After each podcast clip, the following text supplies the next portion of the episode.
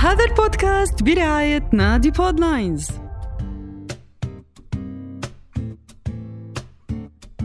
هاي الحلقة بعنوان رمضان بالمخيم إعداد وتقديم علي الموعد بمشاركة محمد سعيد وروى الخياط.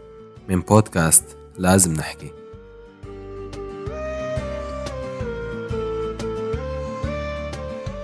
رمضان السنة الماضية كان فيه تجربة كتير مختلفة عن رمضانات اللي قبل. لأن كان في رحلة ليوم كامل لرفقاتي اللي عايشين برات المخيم بقلب المخيم. القصة كلها بلشت. رمضان قبل الإفطار بس عجقة وتحضير وهيك بس أما بعد الإفطار ببلش نهاري. بظهر مع رفقاتي على الأماكن يلي بتكون مزينة ومحضرة بأجواء رمضان ونفس الأرجيلة والحلو رمضان اللي بنطره من سنة لسنة. مثلا آخر عشرة أيام العجقة يلي بتكون تحضير للعيد وهيك قديش بتكون حلوة؟ وأنا مع إني كبرت بس كل رمضان بنطر صوتي مسحر زي الولاد الصغار. ما بعرف ليه بس يمكن لأنه بعدني متعلقة فيه من طفولتي. مع إنه ما بنعتمد عليه ليفيقنا لأن بأغلب أيام رمضان بنكون أصلا فايقين. طيب علي وأنت؟ احكي لنا كيف بيكون رمضان بالمخيم؟ أنا عايش بأحلى مكان بالعالم. في علي. ما فهمت شو عم تحكي؟ لازم تيجوا تجربوا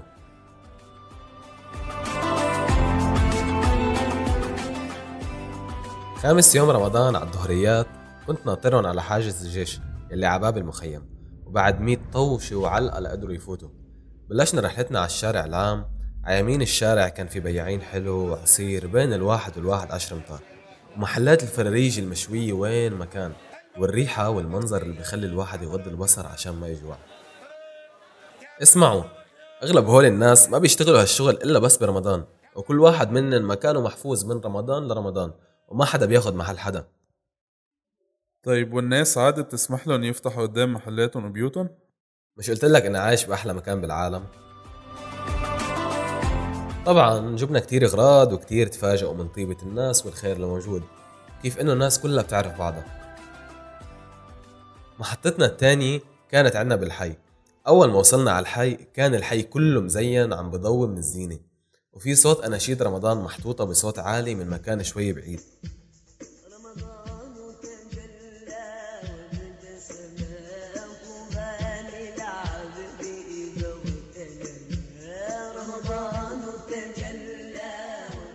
رمضان السنة دي غير كل عاداتي.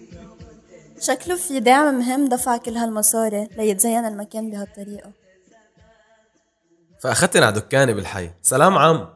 شو هالمرة المبلغ كله تأمن؟ قال لي صاحب دكاني إيه الحمد لله الكل دفع وامبارح الشباب خلص الزينة. قلت له إيه بعرف أنا كنت معن يلا الله يبارك فيك بدي ربطتين خبز. اليوم الوالدة عاملة فطور بجنن. قال لأنه عنا ضيوف. أها هيك بفهم إنه الزينة هي تجميعة مصاري من كل حي. هات لأحكي لكم الخبرية. القصة وما فيها إنه بنمرق على بيوت الحي بيت بيت. وبناخد منن على قد ما بيقدروا يعطوا. وعلى قد المصاري بتكون الزينة. شو حلو؟ مش قلت لك أنا عايش بأحلى مكان بالعالم؟ طبعا صوت أناشيد رمضان بعده عالي بس بعدين مش عارفين شو القصة. وصلنا على المكان اللي طالع منه صوت أناشيد وقلت لهم هذا بيتنا.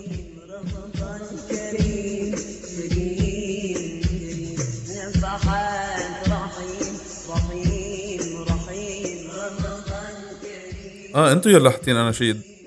هذا صار تقليد من أحد تقليد رمضان بالحي. أبوي لازم كل يوم رمضان بعد العصر يحط أناشيد. وإذا بيوم من الأيام ما حط بتبلش العالم تسألني أبوك تمام؟ ماله شي؟ كله بخير؟ إيه معن حق. بطلت تزبط عصرية رمضان بدون أناشيد بيك. وسمعنا صوت أمي عم بتناديلي علي ودي صحن الأكل هذا لجيراننا لتحت. هذا الصحن إلهن هن امبارح جابوا لنا فيه أكل. ما فهمت. في عادة عنا إنه صحن الأكل بضلوا يلف على الجيران طول شهر رمضان. بعد العصر باقي شي ساعة للأذان ونحن على سطح البيت. كانوا مستغربين من المنظر ومن الروائح الشهية. مم يامي جيرانكم شكلهم عاملين ورق عنب. شكلك صرتي وحدة مننا وفينا.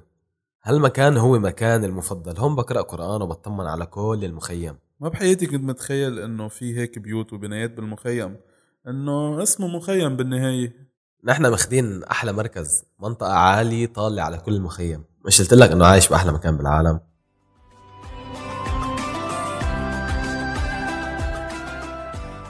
هون كنا بلشنا نسمع صوت أولاد وناس وعجقة عنا بالبيت وهني كانوا شوي مستغربين. رمضان عنا شوي غير نحن عيلة كبيرة إخواتي ونسوان إخواتي وأولاد إخواتي فعنا تقليد كمان من تقليد رمضان يلي أبوي وأمي ما بيقبلوا رمضان من دونه إنه لازم كل العيلة تيجي تفطر ببيت العيلة كل يوم رمضان. وإذا مش كل يوم يوم إيه يوم لا. فأخذتن أعرفن على أولاد إخواتي. هاي بنت أخوي حفيدة رقم اثنين. قالت عمو علي أنا صمت اليوم لأذان الظهر. ونطت أختها وقالت أنا كمان. طبعا صار في تجمع أبناء حوالي بما إنه أنا أصغر واحد بالعيلة وأنا أكتر واحد إلي خلاق عليهن وبلاعبن بعد شوي صار وقت الإفطار. السفرة على الأرض وطويلة ولازم فيها فتوش وشوربة وحمص وبطاطا هول كل يوم من رمضان لازم يكونوا موجودين. لو شو ما كانت الطبخة. وبناكل على الأرض رغم وجود الطاولات بس هاي كمان من تقاليد رمضان. وشي كتير مهضوم انه كلنا قاعدين ناطرين الأذان وأبوي طول الوقت عم يحكي مع الصغار باسمائن عشان يسكتوا ونكون قادرين نسمع صوت الأذان.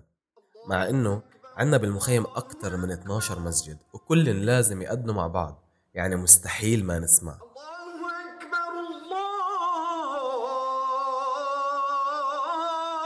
الله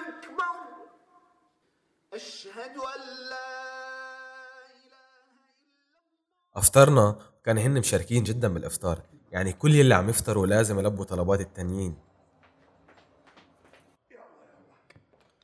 يعني ناولني خبز. ليك أنت قريب على الكبيس ناولني كبيس. ليك خلص من عنا البطاطا ناولني بطاطا. واللي قاعد حد الشوربة. لازم عجقت عجقت عجقت. لازم اعبي للعائلة كلها شوربة. وهيك خلصنا وتحلينا وتحدثنا وضحكنا. وكان رفيقي صار متعرف على أبوي وإخواتي ورفيقتي كانت فاتحة حديث مع أمي وأختي زي اكنن بيعرفوا بعض من عشر سنين. صار وقت نطلع على الحي بعد الإفطار. طبعا كانت ريحة الفرقيع صارت طالعه وصوت الأولاد اللي بالحي بلش يطلع. وإزعاج السيارات والموتوسيكلات بلش يخرق الراس. بس الناس كلها مبسوطة.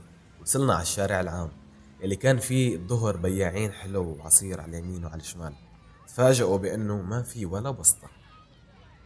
لك مش هون كان في ظهر بسات أكل؟ وعصير الصبح للبيع وبالليل للتنزه. هالشارع بالليل مضوي بالزينة ومليان ناس وشباب وأطفال وناس رايحة وجاي وحركة. علي إنه ما بحياتي شايفة هيك حركة عالم حلوة بأي محل؟ مش قلتلك إنه أنا عايش بأحلى مكان بالعالم. بس إذا في حواليك شي مركز علاج بالهدوء بعد رمضان احكيلي لأن فيك تتحملي هالأصوات ليوم يومين مش لشهر كامل.